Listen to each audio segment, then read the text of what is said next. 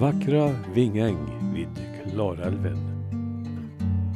Nya Värmlandstidningen den 21 januari 2017.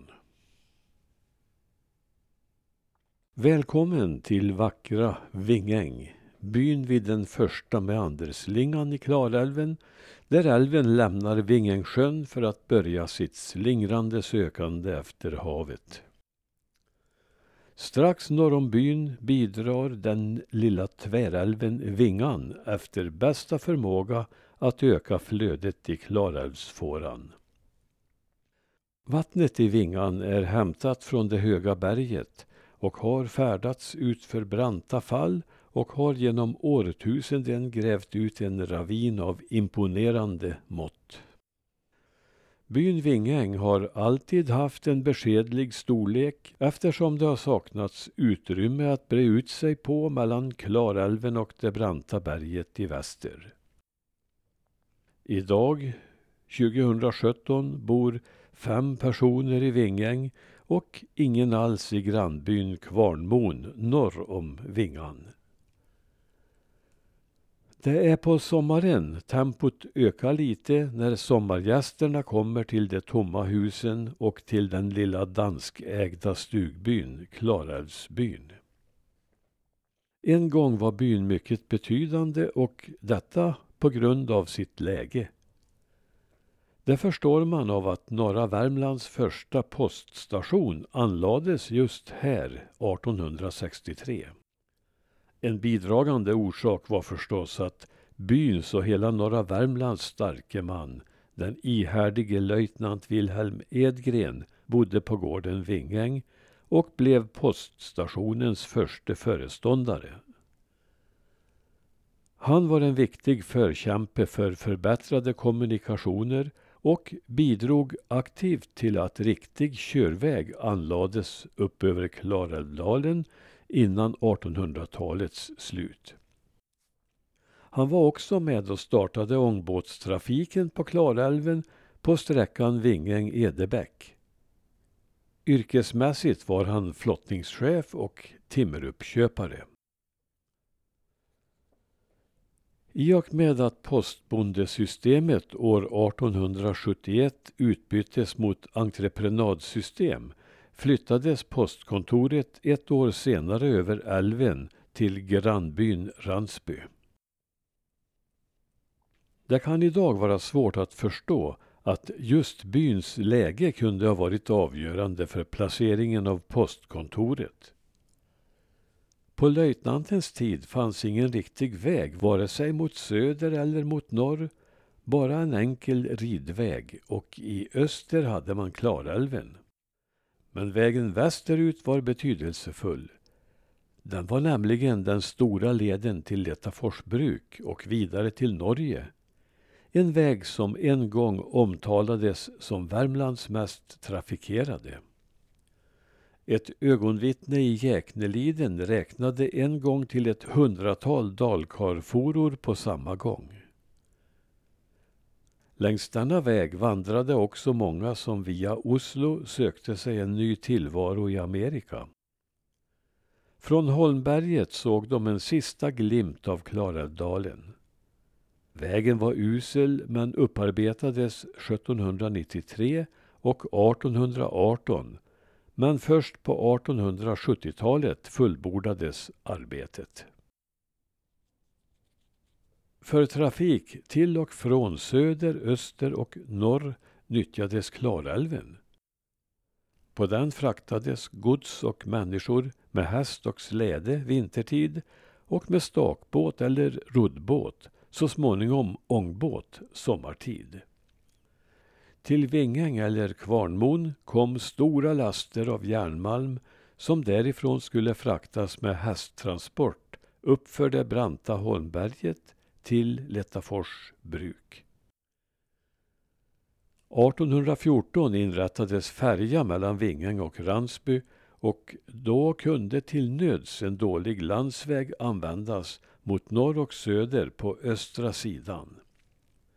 Färjan togs ur bruk 1905 då den tio år gamla Klara bro förstärktes och stora vägen mot Norge hamnade där. Den täta Norgetrafiken av bland andra Västerdalkarar medförde att en tullstation inrättades i Vingäng i mitten av 1600-talet. På en karta från 1657 finns tullen med men 1806 blev den flyttad på vintermånaderna till Jäkneliden och 1814 permanent. Fram till 1853 hade gränsridare Peter Styffe ändå en station i Vingäng. 1855 står jägaren, timmeruppköparen och blivande författaren Gustav Skröder som ägare till gården Tullen och där bodde han ett par år. Tiden i Vingäng återkommer ofta i hans skrifter. Min lilla vackra egendom Vingäng, skriver han. Han beskriver också Vingängssätern som tydligen inte hölls igång vid hans tid. Denna tillhörde mig och min granne löjtnanten men varken han eller min företrädare länsmannen hade haft sina kreatur där eller begagnat sätern, skriver Skröder. Mitt i byn ligger den stora sandåsen Digerheden som en kvarglömd rest från isavsmältningen. En högst osäker uppgift har utpekat Digerheden som en gammal kyrkplats. Mer trovärdig är uppgiften att norrmännen intog denna höjd och sköt mot svenskarna som försvarade Sverige från Ransby skans öster om älven. Detta hände under Hannibalfejden på 1640-talet.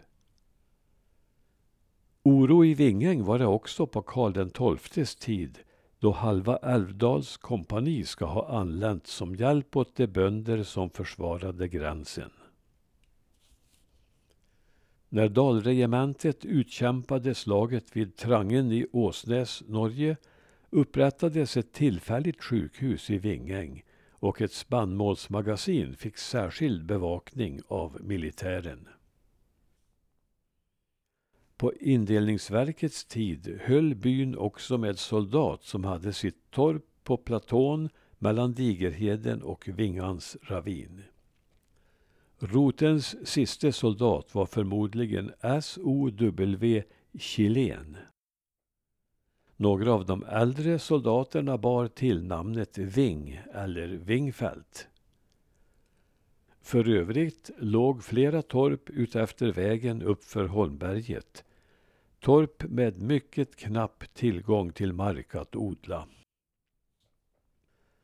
Namnet Vingäng har förbryllat och ingen har lyckats ge en säker förklaring så det finns ännu utrymme för spekulationer.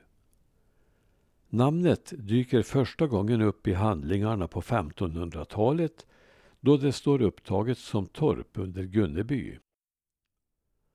År 1606 skattlades detta torp till en tredjedels hemman. Vingängs betydelse avspeglar sig också i några gamla sägner. Det har bevarats till eftervärlden av löjtnant Edgrens dotter Berta i häftet En hälsning från det minnesrika Vingäng som kom ut 1916. Där finns bland annat den älskade sägnen om den bottenlösa kärnen på Brannäsberget. I häftet kan man också läsa en hyllning till Vingäng författad av Nils Jönsson, make till löjtnantens sondotter.